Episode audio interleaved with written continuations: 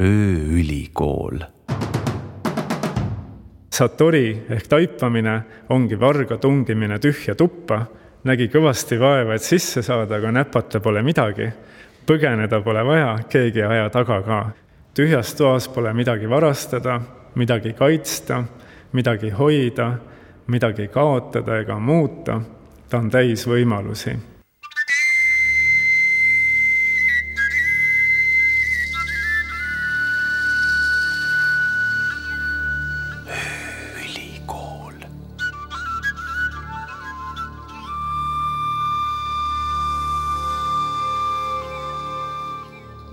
japanoloog Alari Allik kõneleb teemal miski ja ei miski vahel. saade on salvestatud kahe tuhande kahekümne kolmanda aasta kevadel Tartu kunstimajas Sirja-Liisa Eelmaa näitusel Peegelduste pealispind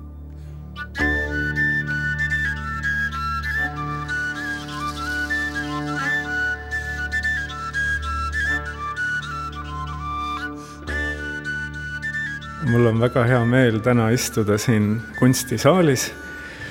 Ja ma arvan, et täna mu seda meeleolu ja juttu juhib natukene see, et lisaks publikule on publiku selja taga näha ka neli pilti, mis meenutavad kas tühje peegleid või tühje pildiraame.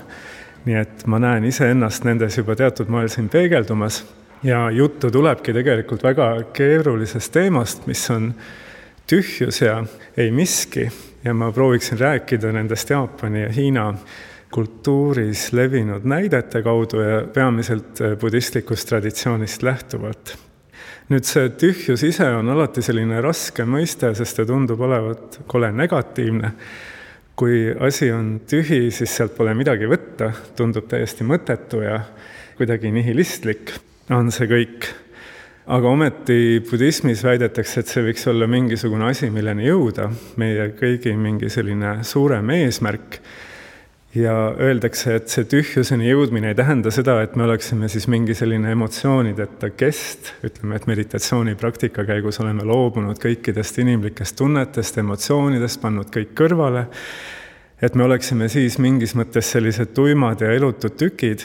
ei, sugugi mitte, vaid vastupidi, see tühjus on kõiksugu asju täis, väga elav, väga mitmekesine, külluslik, nii et tegelikult selle tühjuse mõiste kaudu ei taheta meilt midagi ära võtta, vaid pigem justkui juurde anda. Ja ma proovingi seletada, kuidas see siis nii saab olla.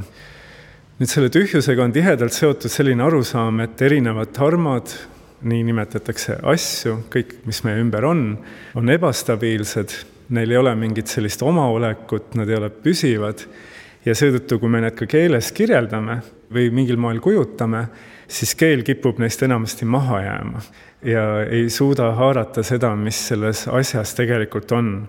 asjad pidevalt muutuvad, liiguvad ja niimoodi siis on otsustatud budismis, et me saame öelda ainult, et nad on kuidagi nõnda. et nad lihtsalt on miski kui ma seda miskile proovin sõrme peale panna, siis ta on juba järgmisel hetkel midagi muud ja see eelnev miski on nüüd saanud juba ei miskiks. ja niimoodi siis kogu aeg kõik see, mis meie ümber on, liigub miskist ei miskisse ja kuskil seal vahepeal peaksime me siis nagu niimoodi tasakaalu hoidma ja liikuma ma arvan, et sellest võib-olla natukene keerulisest jutust on parem aru saada niimoodi, kui me kujutame ette mingit äh, sellist olukorda, mis kõigile, ma arvan, tuttav, et lamad selili suvel kuskil heinamaal ja vaatad üles taevasse, näed seal igasugu uhkeid rünkpilvi ja need tunduvad olevat kord mingid lossid, teinekord mingid karud või mingid muud koletised, ägedad tegelased. ja sellises olukorras siis äh, kogu aeg ma võin neid erinevaid kujusid näha ja unustada ennast lausa selle keskele ära pilved ise aga muudavad kuju, haihtuvad sootuks. Nende taga ei ole justkui midagi, tühipaljas õhk, mingisugune liikumine, ainult mustrid. ja minu meel teatud mõttes petab mind, eks ju, seal ei ole ju tegelikult mingeid õhulasse ja karusid, aga ma ometigi ise lahustun selles protsessis, selles jälgimises, kus mina siis subjektina saan üheks nende pilvedega ja võib tegelikult saabuda selline hetk, millest Juhan Viiding on hästi ühes luuletuses kirjutanud, et sa oled nagu tillukene mees, tume täpp või koma ajapildi sees. ja sellisel hetkel ei ole sa enam päris sina ise, sa lased kõikidest nendest kujutlustest lahti ja korraga oled kohal niimoodi terviklikult ka sellist olukorda saaks kirjeldada teatavat tüüpi tihjuseks. mina olen tühjaks jooksnud, need pildid ei ole enam nii tähtsad, ma ei klammerdu enam nende kujutluspiltide külge. ja ma olen osa mingisugusest aja ja ruumi sellisest laiali laotumisest selles hetkes, kus ma seal heina sees niimoodi laman, üleval ja all, siin ja seal, kõrge ja madal, kõik saavad üheks selliseks väikeseks koondumistäpiks, kus ma olen täielikult kohal ja sellise nõndasuse kogemuseni siis püütaksegi jõuda, kui räägitakse tühjusest, kõik saate aru, eks ju ilmselt, et selles kogemuses on tegelikult palju rohkem. midagi on sealt muidugi ära võetud, aga midagi on meile ka juurde antud selles kogemuses, nii et see tühjuse kogemus on väga täis. ja Hiinas sanskriti-keelne mõiste šuunjata, tühjus tõlgitigi märgiga taevas, mis sobib imehästi Hiinas, Jaapanis, Ida-Aasias laiemalt ongi seda tühjuse mõistet kogu aeg taeva kaudu mõeldud. Ja tihti ka need kujundid siis, mille kaudu räägitakse tühjusest kirjanduses, on vägagi sellised pilvede, udu ja muude selliste ilmastikunähtustega seotud. Rupert Gethin võtab raamatus Budismi alused väga hästi kokku, ta ütleb, kuidas budistlikes tekstides räägitakse tühjusest niimoodi näha ühtegi dharmat ehk siis asja eksisteerivat iseenesest võrdub selle järele haaramisega, katsega sellest kinni hoida, kuid dharmad on nagu unenäod, maagilised illusioonid, kajad, peegelpildid, miraažid, ruum, nagu vees peegelduv kuu, võlulass, vari või imeväel loodu, nagu tähed, kastepiisad, mull, välgusähvatus või pilv. Nad on olemas, kuid samal ajal neid pole olemas ja kui me tahame neid kätte saada, pole meil millestki kinni hoida. nii et üsnagi sarnane sellele pilvekujutusele, tahaks selle karu endale pihku haarata, aga juba järgmisel hetkel on ta kadunud. samamoodi veepinnal tekivad mingid mustrid, ma näeks seal justkui mingisuguseid kujutisi, võib-olla kellegi nägu isegi seal vahu sees, aga juba järgmisel hetkel teda pole. selline kirjeldusviis pidevalt käest libisevast äh, mustrist, miskisugusest äh, saamisest, kus üks asi on alati mingit kuju võtmas ja samal ajal juba see kuju hakkab muutuma, juba millekski muuks saama. seda pandi väga hästi tähele ja leiti, et kui meie tahame sellisest maailmast täielikult osa saada, siis peaksime me ise ka olema sellised muutuvad või pilvelaadsed olendid ja väga tihti siis Hiinas munkasid näiteks kirjeldatigi õõtsuvate või pilvedena või puulehtedena, kes triivivad ringi õhus, liiguvad vabalt, ise ka on kord siin, kord seal, pidevas saamises ja muutumises, nii et teatav selline ideaal oleks siis umbes niimoodi elada, ma väga kahtlen, kas keegi tegelikult päris sellist pilvelaadset elu kunagi elas Hiinas või Jaapanis, aga vähemalt kirjanduses seda niimoodi kirjeldatakse ja üks mu suur lemmik, kellest ma nüüd natukene pikemalt räägiksin, on õpetaja Longya, kes tegutses Tang-dünastia aegses Hiinas ja tema nimi tähendab draakoni kihva. mees nagu loodusnähtus, elas eraku elu, sai nii tühjaks, et terve maa ja mets ja mäed kõik mahtusid tema sisse ära ja ta kirjutas ka uhkeid luuletusi, ma loen ühe ette. taimed toiduks, lehed rüüks, meel nagu kuu terve elu millelegi mõtlemata, olla taaskord piirideta. inimesed küsivad, kus on su elupaik, sinetav vesi, rohetavad mäed on mu kodu. nii et tegu on siis tegelikult taimetoitlasest draakoniga, me saame kohe teada, taimed toiduks, lehed rüüks, tähendab siis, et selle draakoni soomused on nagu puukoor või lehed. Meel on nagu kuu, kuu on alati siis selline tühjuse selge meele sümbol ja väga hiinalikult ta tahab naasta sellise piiride ja ahelateta elu juurde, teatava lihtsuse juurde. inimesed küsivad, kus on ta kodu ja ta kodu on kõik vesi ja mäed, kogu see loodus, ta on osa suurest sinetamisest, rohetamisest ja eksisteerib siis sellises mittekaheses piirideta olekus, kus see siin-seal, üleval-all, hea-halb enam ei oma mingit erilist tähendust ja oli teada, et see draakoni kihv oli ühe teise õpetaja Tungshani õpilane, Tungshani võis tõlkida Õõnesmäeks. Ja Õõnesmägi oli mees, kes alustas Saadungi koolkonda Hiinas. see jõudis hiljem Jaapanisse, kolmeteistkümnenda sajandi zen-õpetaja Dogen oli see, kes selle õpetuse sinna tõi ja paistab, et Dogenile jätsid ka need loodusjõudude laadsed hiinlased väga sügava mulje ta räägib muuhulgas näiteks ülevedaja Dötšengist, kes püüdis õpilasi nagu kalu ja rääkis, et olla, olla nagu vesi oleks põhimõtteliselt hea viis jõuda selle õpetuse tuumani. ta kirjutas, vesi on tõelise draakoni loss, ta ei seisne ainult allapoole voolamises, pidada vett ainult voolavaks tähendab teotada vett sõnaga voolamine. see on sama, mis väita, et vesi ei voola vesi on ainult vee tõeline nõndasus, ta on vee hüve ja üldse mitte voolamine. ühe peotäie vee voolamise jälgimises ja tema mittevoolamise jälgimises ilmustab ennast lugematute asjade tegelik olemus. Ja mida Toogen selle üsna keerulise lõiguga ütleb, on see, et me peaksime vett vaatama selles vee nõndasuses, vees näha miskit, tähendab see, et me ei suru peale talle enda arusaamadest tulenevaid liikumisi, inimese jaoks tundub, et vesi voolab, aga kuidas kogeb seda vett näiteks vesikirp või vähk või mõni muu olend, seda me ei tea. niipea, kui me oma minast lahti laseksime, siis me näeksime seda vee hüvet võib-olla veidi laiemast perspektiivist ja siis tuleks tegelikult esile seesama, mida siis nimetatakse vee tühjuseks, et äh, vesi on loomulikult olemas, aga ta on olemas igaühe jaoks natuke erineval moel, iga olend võtab veest endale midagi vajalikku, aga me ei saa öelda, mis ta kõik kokku on. ta on iga hetkel mingisuguses muutumises, saamises, ta voolab miski ja ei miski vahel, on ühtaegu nii vesi kui mittevesi nii et äh, kes on seda vee olemust äh, mõistnud, need on siis veeäärsed õpetajad, ütleb Toogen.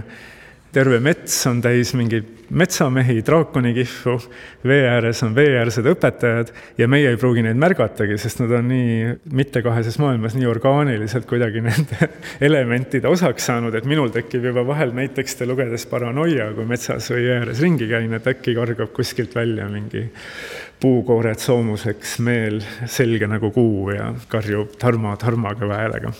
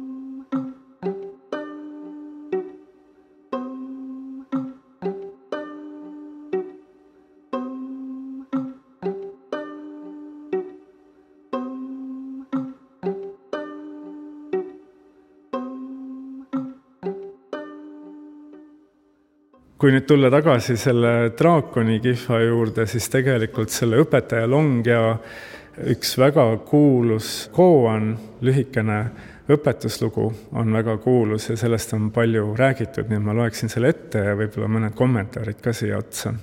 munk küsis John õpetajalt Longjalt, millal vana õpetaja järele jätab.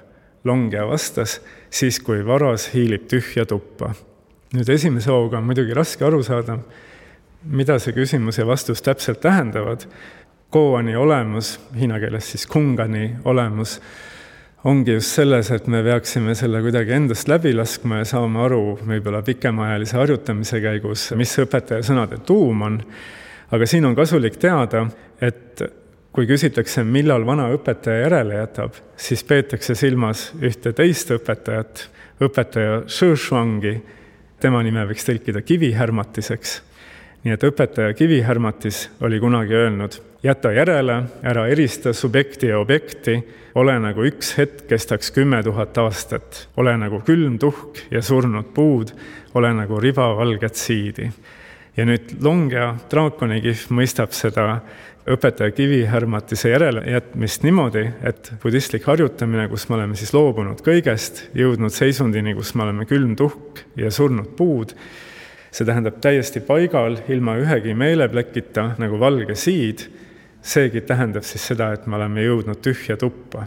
mingi suurema taipamiseni, subjekti ja objekti pole, pole mind ega tuba, pole midagi võtta, pole midagi anda ega midagi eristada ja kahekümnenda sajandi tuntud zen-õpetaja Savaki Kodo kommenteerib seda ka üsna samas traditsioonis, ütleb, et satori ehk taipamine ongi varga tungimine tühja tuppa, nägi kõvasti vaeva, et sisse saada, aga näpata pole midagi, põgeneda pole vaja, keegi ei aja taga ka nii et kui me kujutame ette sellist olukorda, eks ju, et Vargal on mingi tohutu plaan, võib-olla ta on kavandanud seda juba kuid, võib-olla aastaid isegi, kuidas ta tungib mingisse ruumi, kus peaks olema hinnalised varandused, seif, kõik muud asjad, milleks ta on valmistunud pikka aega.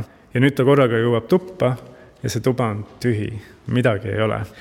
Sealt ei ole midagi ära tassida, midagi ära viia ja kui ta ei saa midagi ära viia, siis ta ei saa ka varas olla. kogu tema varga identiteet variseb seal tühjas toas kokku ja kui ta ei varasta, siis ei aja teda keegi taga, enam ei ole vaja politsei pärast muretseda. ja keset seda tühjust jääb tal alles lõpuks ainult tema ise või selline minasus nagu hakkab hapraks muutuma ja lagunema tõenäoliselt. ja tuleb küsida, et aga mis siis nüüd edasi? Mida ma peaksin nüüd ülepea tahtma, kui ma enam varaski pole. Ja varas võiks näha loomulikult ideaalses olukorras, kuidas nii tema enda kui kõikide asjade olemus on tegelikult tühi. Ja see viiks seal tühjas toas teda hoopis uute olemisvõimalusteni, et ta võib-olla näeb, et see oli kõik üsna sattumuslik, et ta oli vargana pidanud tegutsema ja päris hea on olla seal tühjas toas, kui ei peagi midagi varastama ja keegi taga ei aja ja ta leiab hoopis mingisuguse teise viisi olla John Taido Loori, kes on selline tänapäevane zen-õpetaja, on kirjutanud sellele draakoni kihva loole Varas tühjas toas väga hea kommentaari, mis natuke matkib sellist iidset Hiina kommenteerimistraditsiooni. ja seal ta ütleb, kui sisened Longya sõnadesse ja usaldad end täielikult, leiad peagi, et oled olnud aegade algusest peale vaba ja ahelateta. lased lahti ja kivid jões peegeldavad valgust, hoiad kinni ning kalliskivid kaotavad oma sära. tühjas toas pole midagi varastada, midagi kaitsta, midagi hoida, midagi kaotada ega muuta, ta on täis võimalusi. kuid ikkagi tõmbaksin ma välja kõik need naelad, lööksin lahti tapid, et kogu ehitis kokku variseks. Lõppude lõpuks on tuba ju järjekordne taak. nii et siit saaks veel ühe sammu edasi teha, et see tühi tuba ise või noh, nagu me praegugi oleme siin kunstisaal, kui siia täiesti üksinda tulla ja sattuda silmitsi nende piltidega, mis on teatavad peeglid, ma korraga saan aru, et see tuba ise oma vormis tuleb ka esile ja selle saab ju ka omakorda kõrvale jätta. kui järjekordse taaga Loori sõnu lugedes tundub ka niimoodi, et inimese kehast saab mõelda nagu tühjast toast. Ma olen oma kehas ka justkui nagu tühjas toas ja nüüd, kui ma avastan, et siin toas, tähendab minu kehas enam kedagi ei ole, olen sellest minast lahti lasknud, siis jääb ikkagi veel see keha, mille tapid tuleks ka koost võtta ja aru saada, et ka keha ei ole ja jõuda sellise minatu ja kehatu ühtsuseni. Ja nüüd siis Chan või Zen traditsioonis küsitakse, aga et mis siis üldse alles jääb.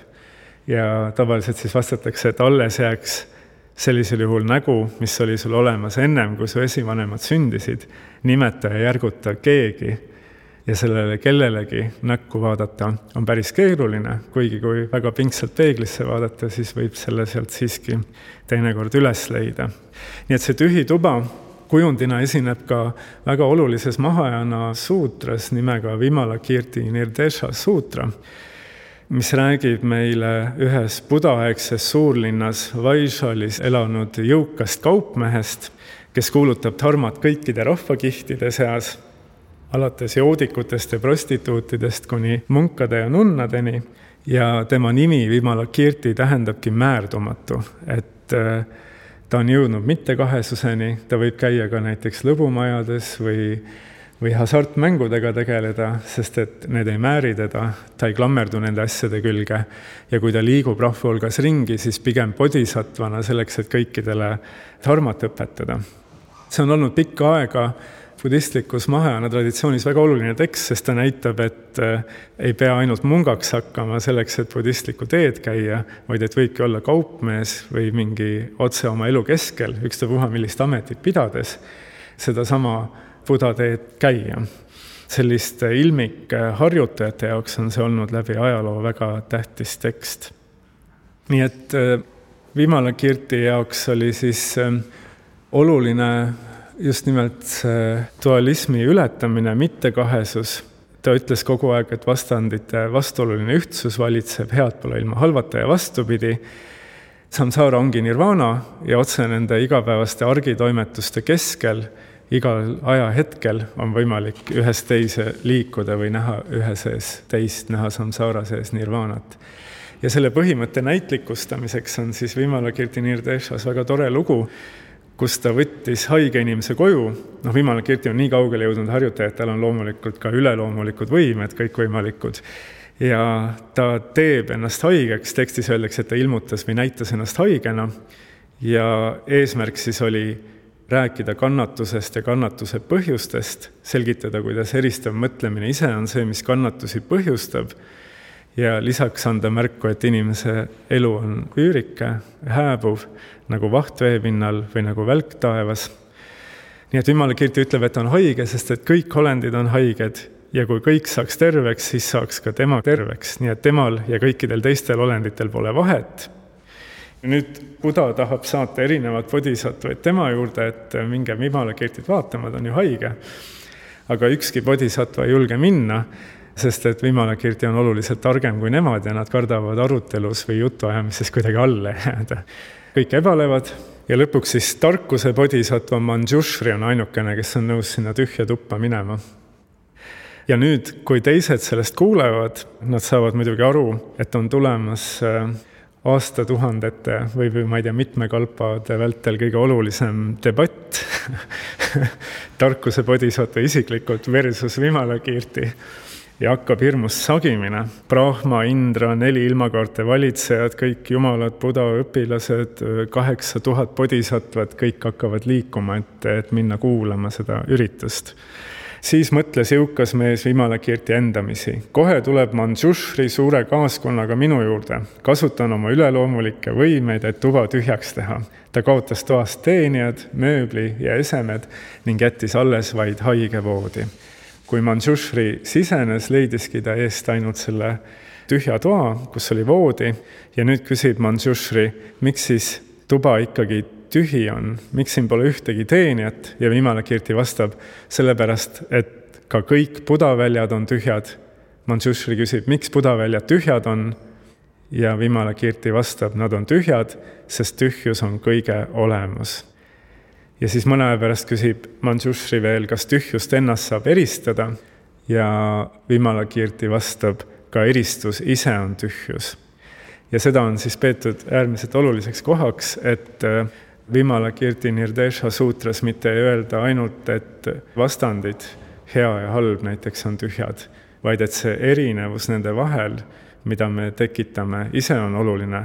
et me peaksime tähele panema, kuidas meie mõtlemine loob neid eristusi ja see eristamise protsess ise on oma olemuselt äh, tühi nii et me peame märkama, kuidas me oma mõisteid loome, kuidas me maailma tükeldame ja selle eristamise mõtlemise vallast peaksime me siis jõudma ületava mõistmise valda. Ja see ületav mõistmine on siis see, kuhu Vimalakirti on jõudnud ja tundub, et on kaugemal sellest kui isegi tarkuse bodhisattva Manjushri. nii et siin ongi oluline märgata, et see tuba ise ei ole, ta on küll tühi tuba, aga jällegi ta ei ole päris tühi tuba, sest et tahetakse ju näidata mittekahesust. see tuba on tegelikult üsna täis, sest seal on kõik need kaheksa tuhat bodhisattvat, seal on Indra, Brahma, kõik teised olulised jumalad, kuskil mingisuguses dimensioonis nad seal hõljuvad, raske on aru saada, kuidas nad sinna ruutsüllasesse tuppa kõik ära mahuvad, aga ometigi mahuvad. ja noh, üks viis sellest mõelda on see, kuidas meiegi praegu sinna tuppa ära mahume. teatud mõttes see tuba on ju, eks ju, mingit sorti mõttekonstruktsioon, Vimala Kirti konstrueeris selle samamoodi ja mina oma jutuga praegu tõmbasin meid kõiki sinna tuppa, kõik kuulajad on selles toas. Ja siis muutub üsna loogiliseks ju see, kui Vimala Kirti ütleb, et seal on ka kõik minevikupudad ja tulevikupudad, sest me ei tea näiteks selle loengu puhul eriti, kuna see on salvestatud ka, tekib teatav selline üleajaline mõõde, kus kõik saavad kokku selles ühes toas, mis on ühest küljest tühi, aga kogu aeg väga täis ja siin ma arvan, me jõuame üsna lähedale sellele, kuidas sellest tühjusest mõeldakse, kui ma ennem ütlesin, et miks me saame kogu aeg midagi juurde, midagi ei võeta ära, vaid tegelikult antakse kogu aeg juurde. et äh, mõelda, et tühjus on kuidagi seotud nihilismiga, on väga eksitav. Vimalakirti tuba on väga täis ja hiljem justkui selle tõestuseks ta otsustab kasutada oma üleloomulikke võimeid selleks, et noh, loeng venib pikale, seal inimesed peavad istuda ka saama, siis ta lennutab kõikide nende bodhisattvate jumalate jaoks kohale sellised uhked lõvidroonid. nii et ma ei teagi, kuidas need lõvidroonid seal tuhandete olendite jaoks niimoodi mitmetasandiliselt selles ühes ruutsüllases toas kõik hõljuvad. aga mitte kahesuse loogika järgi, mitte dualistlikult mõeldes, täis ja tühi, palju ja vähe, see eristav mõtlemine ise on tühistatud ju.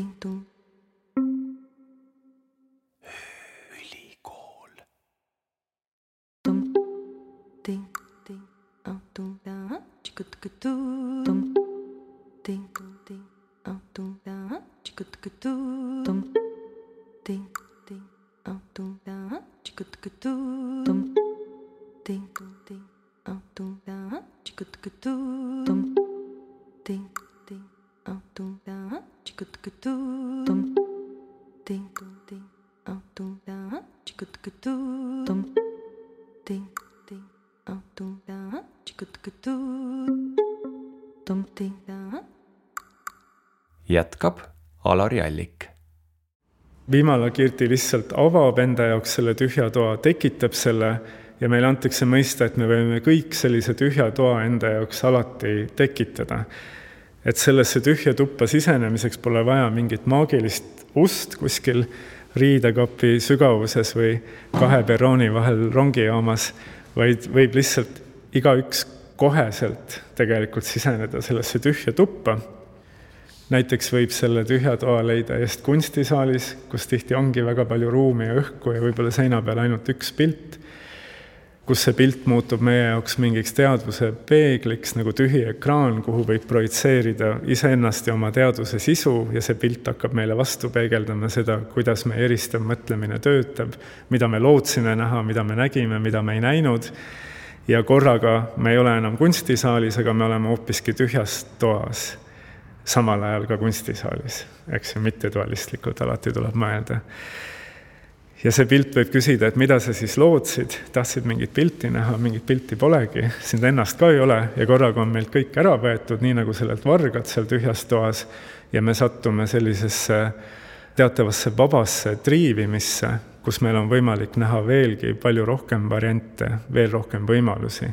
ja mulle tundub, et kunstnikud ja kirjanikud ja kõikvõimalikud loovisikud on tihti täiesti intuitiivselt avastanud selle võimaluse sellisesse tühja tuppa siseneda, sest et igasugu sellise korduva tegevuse nagu maalimine käigus tekib teatav selline rütm ja hingamine, mingi praktika kus sedasorti piiride kadumine on tegelikult üsna tavaline ja nii leitakse tihtipeale täiesti seniolematuid kujutusviise või mõtteviise või mingeid uusi poeetilisi lahendusi tekstide jaoks. aga loomulikult võib seda tühja tuba avada enda jaoks ka näiteks bussis sõites või kuskil supermarketis ja olla samal ajal tühjas toas aga noh, Vimalekirti oligi ju kuulus selle poolest, et ka kõige kärarikkamates linnarajoonides ta suutis olla samal ajal määrimatu et käia ringi nii, et olla korraga nagu kahes mõõtmes või mitmeski. ja tegelikult muidugi selleks tuleb palju harjutada ja esialgu harjutamise jaoks on leitud nii Hiinas kui Jaapanis on tegelikult üsna tühjatoalaadne harjutusruum muidugi kõige parem. nii et siit on saanud ka alguse selline Jaapani minimalistlik äh, ruumiloogika. suur hulk äh, erakuid nimetaski Vimalakirti järgi oma onne ja meditatsiooniruume ruutsüllasteks tubadeks või hüttideks ja see sõna hojo viitab tagasi alati sellele Vimalakirti tühjale toale.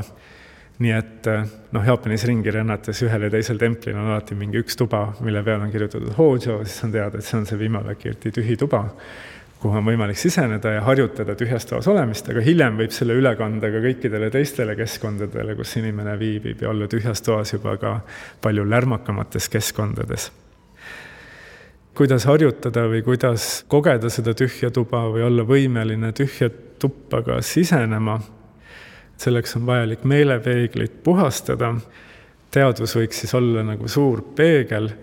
draakoni kihva luuletuses ennist oli ka, ta meel oli nagu kuu, kuupeegel ongi alati sellise selge ja puhta meele võrdpilt ja see zen-õpetaja Dogen Jaapanis kolmeteistkümnendal sajandil ütleb ka, et taipamine ilmneb inimeses nagu vees peituv kuu, kuu ei saa märjaks, vesi ei lähe katki, mõõtmatu valgus peegeldub väga väikeses veekoguses, terve kuu ja kogu taevas mahuvad ühte kastepiiska rohulibel ainsasse veetilka.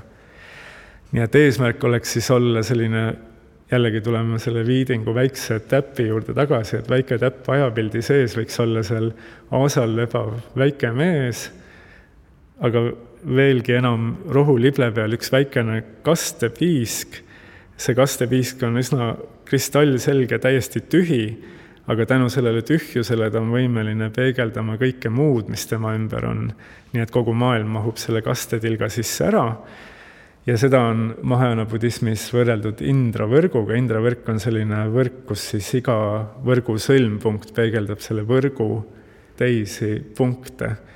nii et see väike täpp seal ajapildi sees hakkab kõiki teisi täppe, kes samamoodi kuskil on olnud või kuskil veel tulevad, isegi sellises üleruumilises ja üleajalises mõõtes nagu kokku tooma.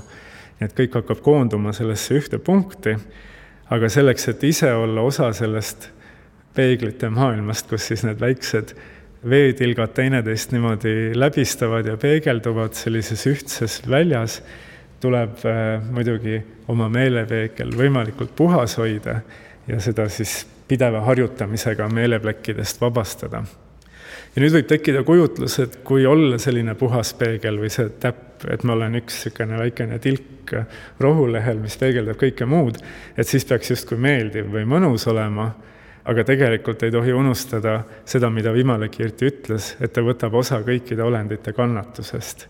see Indra võrgu skeem on selles mõttes üsna hirmuäratav, et seal peegelduvad vastu ka kõikide teiste inimeste hädad ju, et kui ma olen niimoodi ühendatud maailmaga, siis ma ei saa eirata seda noh, ligimest, kes minu kõrval kannatab, et peegel ju erapooletult kajastab kõiki emotsioone, ta ei klammerdu ühegi emotsiooni külge, ei hea ega halva külge, aga ta peegeldab, ta toob esile need kõik. noh, tänapäeval, kus tihti võib-olla mediteeritakse mingi isikliku õnne või mõnusa olemise nimel, tundub, et see vana traditsioon on tihti olnud ka selline et tuleb julgeda vaadata ka kuristikku ja võtta enda peale teiste olendite kannatus ja tegelikult Mahajana traditsioonis seda on ka noh, harjutajatelt tihti nõutud, eks ju, et äh, anda üle oma pälvimused teistele, mitte keskenduda ainult heale, mitte endale koguda. noh, siis ma oleksin jälle nagu varas, eks ju, et ma varastan kõik head asjad kokku, mediteerin kümme tundi, saan mingeid häid pälvimusi ja panen need kõik endale kenasti karpi ja lähen tühjast toast välja aga tühjast toast tullakse välja tühjade kätega et midagi varastada sealt enam ei saa. nii et ei tohi enda jaoks seda kõike teha, vaid peakski mõtlema sellele laiemale võrgule ja silmitsi olla kõigega, mis tuleb esile selles ruumis, selles tühjas toas. et mitte ainult heaga, vaid ka halvaga. ja siinkohal tahaksin veel ühte kohanit, mis mul on viimasel ajal väga hingelähedane olnud Äh, tsiteerida, see on Sinikalju ülestähendustest. Väga kuulus lühike koon. suur õpetaja maa, tõlkida saab hobuseks, nii et õpetaja hobune tundis end kehvasti, kloostriülem päris. Austusväärne, kuidas teie tervis viimasel ajal on, õpetaja vastas, päikesenäoline Buda, kuunäoline Buda. Ja mõelda siis võib sellest muidugi mitut moodi, õpetaja maa leidis ilmselt, et tervis ja haigus on lihtsalt mingid seisundid ja need vahelduvad, aga võib ka niimoodi mõelda iseenda kohta, kui peeglisse vaadata hommikul ei saa me eriti valida, kas meid tervitab peeglis päikesenäoline või kuunäoline Buda või ei ole seal üldse Budat, on lihtsalt must peegel.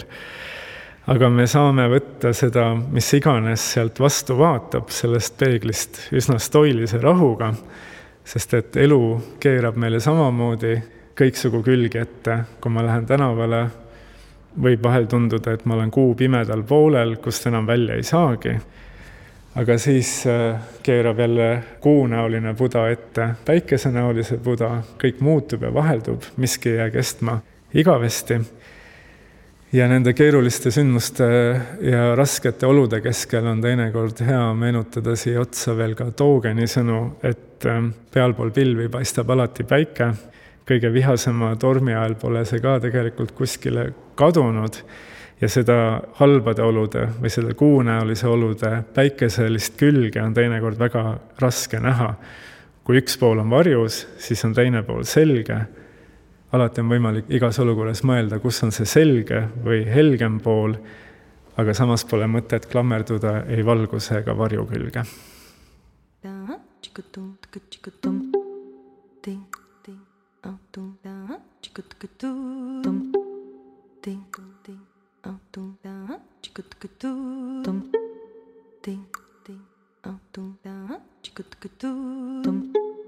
ting,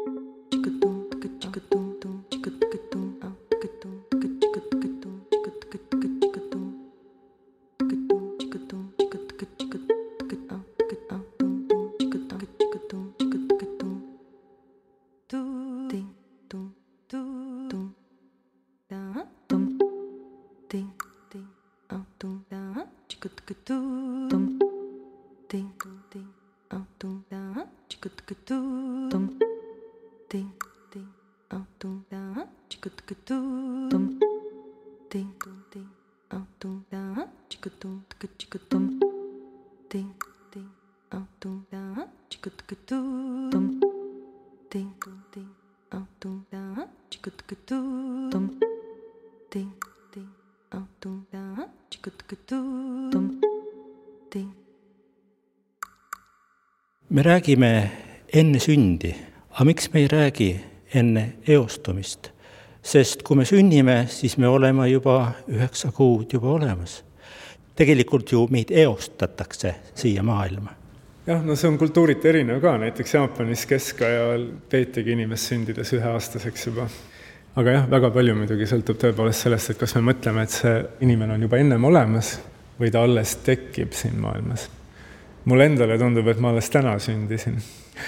et iga hommik ma ärkan üles ja ma mõtlen, et jälle mina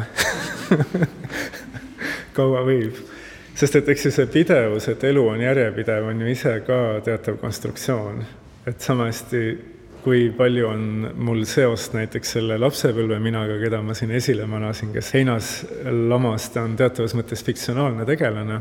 ta ei eksisteeri ju enam ja mingisugune järgnevus tema ja minu vahel on, aga väga tihti see minevik kaldub nagu ikkagi muutuma ka mu enda jaoks mingisuguseks unenäo taoliseks filmiks, et äh, ma ei tea, kas see oli kõik päriselt või nägin ma seda unes. et identiteet on ka ju selline asi, et me võime ta konstrueerida loomulikult sellise loona, minu loona sünnist surmani aga me võime ka oma isedust kogeda palju laiali pillutatumalt ja näha nagu seda pigem selliste erinevate piltidena või peatükkidena ja mõelda näiteks niimoodi, et see peatükk, kus ma praegu olen oma elus, ei ole võib-olla otseselt seotud enam nende peatükkidega, mis olid tükk maad varem, näiteks kakskümmend aastat tagasi. mingid põhjuse tagajärje seosed on, aga see ei ole enam seesama inimene, kindlalt kohe mitte. ma arvan, et et äh, kui ma kohtaks seda vanemat versiooni iseendast, mul oleks talle nii mõndagi öelda selle kohta, kuidas nii et selles mõttes ma ei oleks temaga nõus enamikes asjades. nii et järjepidevus ei ole ka ilmtingimata iseenesestmõistetav, ma arvan. kui suubuda nirvaanasse, et kas mingisugune identiteet jääb ka alles või siis sa oledki see puhtal kujul nagu üks sellest suurest tervikust, nii et kas seal on veel mingi individuaalsuse märk on alles? mina ei saa muidugi rääkida, aga ma räägin teiste kaudu. Ma olen Nirvanast väga-väga kaugel. Või noh, ainult selles mõttes ma olen Nirvana lähedal, et kui mõelda, et samsara ongi Nirvana ja ma olen samsaras praegu, siis noh, teoreetiliselt ma olen ka Nirvanas, aga ma ei, ilmtingimata ei koge ise seda niimoodi, aga aga jaa, et Toogen ütleb, et jälg jääb ja ma arvan, et ta mõtleb selle jälje all seda, et just see erinevuse liikumine, et kui inimene jõuab virgumiseni, siis ta on tegelikult äh, sellises saamises. Toogen ütleb selle kohta, et on Buda ja siis ta on üle Buda ja siis ta on juba üle-üle Buda. et Buda ei saa kunagi paigale jääda, ta on teatav selline saamise intensiivsus, ta liigub, laseb lahti, laseb lahti, laseb veel kord lahti ja liigub pidevalt edasi.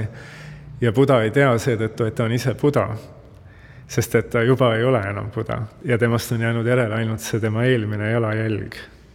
nii et teatav selline jäljetu liikumise retoorika on, mis mulle tundub väga huvitav Togeni puhul. aga nojah, suurtest õpetajatest, nii nagu see draakoni, kes mägedes elas, nendest räägitakse, et nad kaovad nagu vits vette jäljetult kuskile mägedesse ja enam ei ole neist midagi nähtud ega kuuldud hiljem avastab mõni õpilane kellegi kuskilt äh, lihtsat tööd tegemast, et ta on hakanud kuskile ülevedajaks mõne jõe ääres.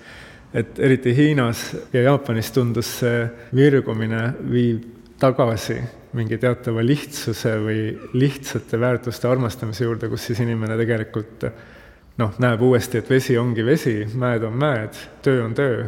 Ja pöördub kõige tavalisemate ja kõige lihtsamate asjade juurde tagasi.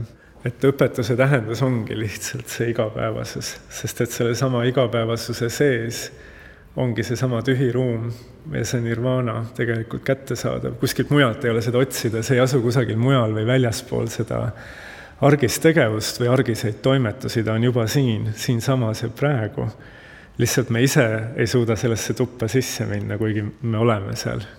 me ei suuda seda päriselt näha, seda tuba üritades endale nagu selgeks mõelda, et mis selle ida ja lääne paradigma vahel nagu vahe on, siis Undus kirjutab selles romaanis Kuum, on tal tuglaselt võetud mingi sõna maltsrand, eks ole, see peategelane hakkab kordama seda maltsranda ja see noh, lagundab ülejäänud maailma ära ja ta lõppkokkuvõttes noh, sellest saabki nagu kõiksus, aga mulle näib, et see peategelane ise sealjuures ei lahustu ära või noh, et seal tekib, tal on nagu niisugune vabadus, eks ole kui sellest lääne ja ida paradigma vastuolust rääkida, et kas vahe taandubki sellele, et noh, et ühel juhul sellest subjektist loobumine on kuidagi sinna lukku sisse kirjutatud ja läänes jääb see subjekt nagu alles, et noh, et kas selle ida-lääne vastuolu võib tõmmata sinna subjekti peale hmm.? ma arvan, et see kõige põhilisem vahe on ikkagi just selline mittekahesuse tajumine. Mõelda, et on mina ja mitte mina see tekitab juba palju mänguruumi, et äh, ma võin olla seal mina ja mitte mina vahel, sest et ideaal ei ole ju minast täielik loobumine, mina jääb alles ikkagi, kõikides praktilistes olukordades on seda mina ikkagi vaja, elada on vaja, vaja on tutvustada ennast ja kõiges toimida, aga sellesse minasusse tekib selline teatav lõtk või nagu tühi ruum, nagu ma proovisin selgitada mis annab selle mina konstrueerimisel teatavaid vabadusi, mida seal muidu ei ole, et see mina on nagu õhulisem, ütleme siis. niipea, kui ma näen, et mina on ühtlasi ka mitte mina ja nende vahel on erinevus, siis see erinevus ise muutub nagu selliseks väga viljakaks nagu kohaks, kus olla. et ma olen see ja mitte teine, aga et ma olen ühtlasi ka see ja see, eks ju, et mul tekib teatav selline võimalus liikuda või saada, noh, mis loomingus siis väljendubki tihti selleni, et ma saan Kirsiõieks ja kirjutan Kirsiõie perspektiivist luuletusi. aga siis, kui ma lähen linna tagasi, ma loen Kirsiõie luuletused vägagi subjektina, eks ju, teistele ette. Ja võib-olla minu luuletusi hakatakse matkima ja ma olen ikkagi autor. Ja mul on see funktsioon ka alles, et see liikumisruum tervikuna on nagu laiali laotatud, mina ise või subjekt ei kao ära, aga see mitte aspekt sealjuures aitab neid nagu lahti kangutada niimoodi, nagu see varas on seal tühjas toas, eks ju, et tal on väga palju olemisvõimalusi korraga. nii et see identiteet on vaba, teda saab koost lahti võtta ja kokku panna erinevatel viisidel ja siis ma näengi, eks ju, teatavat sellist santumuslikkust ka selle minasuse juures. nii et teatavas mõttes selles traditsioonis ikkagi ka subjekt on väga tähtsal kohal, aga seal on veel midagi muud ka. kas võib äkki nii öelda, et selles ida mõttes ei ole loojat või algset nimetajat? jah, taevasmaa algus on nimetu, nagu ütles Lao Tse Tao Te Chingis, eks ju, et äh, aga et just selles nimetuses tegelikult on ju, ta on pragmaatiline või noh, see on ikkagi mingisugune asi, mida teha. et ta ei ole ka ainult idee, vaid nii taoistid kui budistid ikkagi leidsid, et tulebki siis kulgeda. nii et praegu ka me tegeleme teooriaga, aga peaksime hoopiski tegutsema hakkama, nii et see on ka üks suur erinevus, eks ju. et ta ei ole lihtsalt filosoofia, ta alati ikkagi osutab kogu aeg see jutt sellele, et midagi tuleks tegema hakata. Ja see praktika ja harjutamine olla, saada üheks selle nimetu taevasmaaga näiteks, on praktika, seda tuleb teha, mitte sellest rääkida. ja kogu aeg öeldakse meile nii taoismis kui budismis, eks ju, et sõnad on ebausaldusväärsed. midagi ma küll ütlen, aga see, mida ma ütlen, ei ütle midagi, eks ju, ütleb Chuang-Tzu ta küll ütleb, aga ta võtab samal ajal need sõnad tagasi ja ütleb, et see saamine ise ei ole päriselt nagu sõnastatav, see on asi, mida saab teha, aga rääkida sellest on väga keeruline sest et eks ju, kui ma lõikan tegelikkusest mingi tüki välja, defineerin ja sildistan ära, siis see tegelikkus ise on juba sealt vahelt välja libisenud ja juba kuidagi teiseks saanud.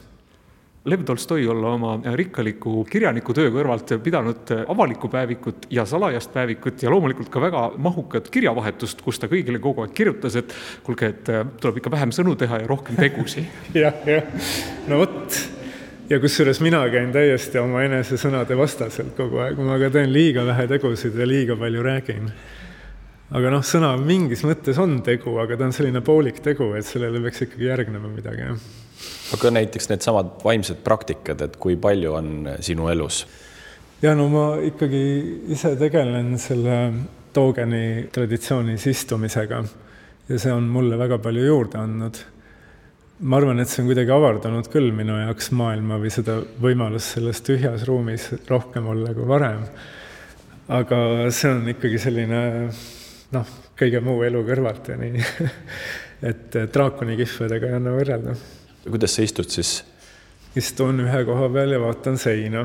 ja kusjuures see sein on siis nagu teatavas mõttes selles Soto Zen koolkonna istumistradtsioonis kõige parem on istuda ühevärvilise seina poole sirge seljaga ja niipea, kui ma hakkan mõtlema millegi peale või midagi ette kujutama, siis ma enam seda seina ei näe, sein muutub nagu teatud mõttes selliseks kinolinaks, millele mu teaduse sisu kuidagi, mida ma projitseerin, ma ise olen nagu filmiprojektor ja juba ma mõtlen näiteks oma homse loengu peale, et kuidas ma mida seal sõnastan ja terve see loengu olukord on mul seal ühevärvilise seina peal korraga laiali laotatud ja siis ma nagu pühin selle ära ja tulen seina juurde tagasi, nii et oleks lihtsalt sein, et ma oleks võimeline lihtsalt seina vaatama.